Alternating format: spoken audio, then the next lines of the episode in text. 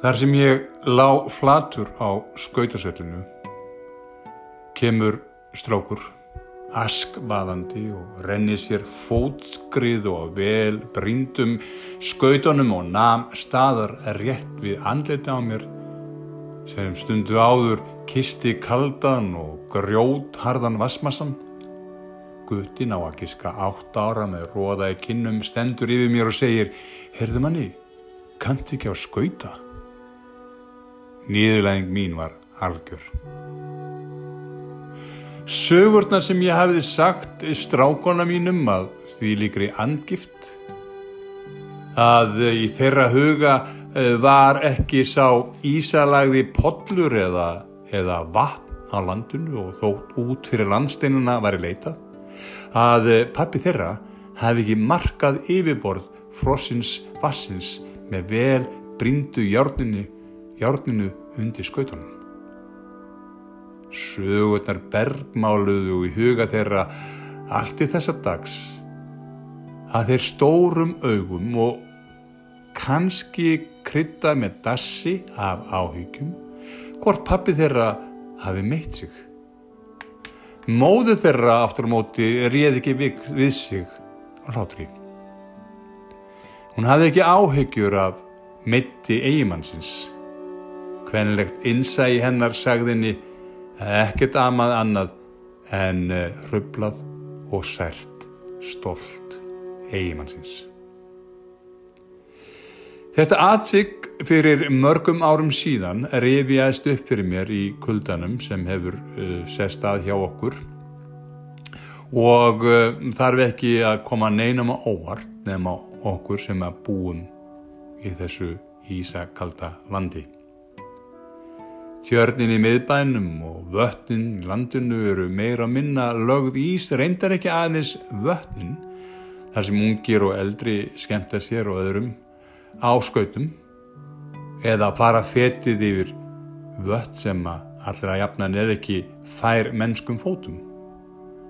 Það er eitthvað ævintýrlegt við það að vera út á miðju ísilögu vatni og sjá umhverfi frá öðru sjónarhortni svona pari við þá hugmynd að planta palmatrjám í garda borgarinnar eins og hugmyndin var um hér um árið.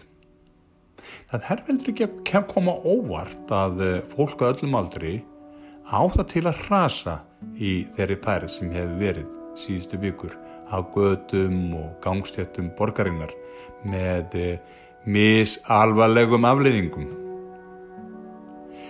Ég rekst á greinum daginn og las mér til fróðleiks. Þar segir meðal annars að yfirleitt rasar fólk þar sem þá allra síst von þess. Svo mörg voruðu orð. Þessi setning böglaðist eitthvað í huga mér. Um, segi það sér ekki sjálft ef einhver á vona því að þetta segjum bara í hálku um, myndi viðkomandi ekki þetta. Hver vil lendi í þeirri neyðarlegu aðstæðum að þetta sem fullorinn manneskja á ofinbjörnum vettvangi?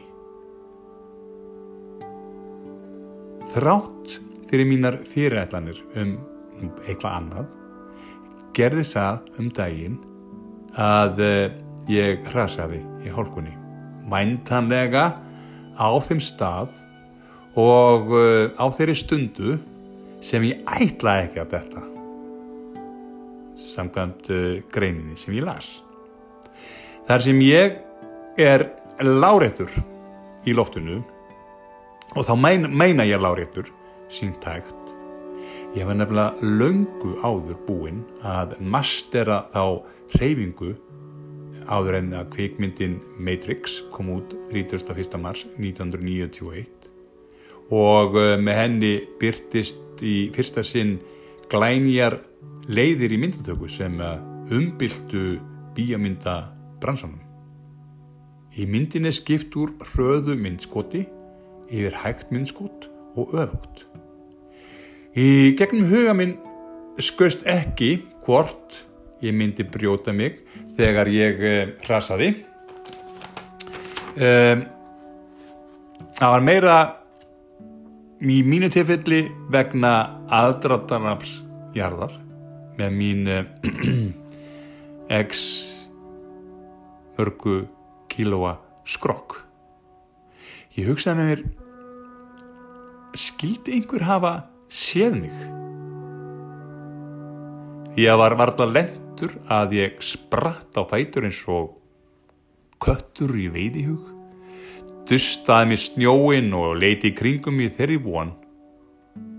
Engin hefði séð mig.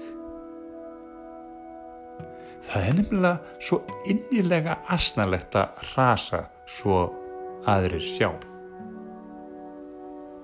Svona, það er eiginlega pari við einn ágætan föður sem rasaði á höfuðið um árið fyrir utan leikskóla barsinsins og uh, ránkaði svona fljótlega við að hann var þá búið að leggja hann inn á kvildarherbyrgi barnana með teppi yfir sér.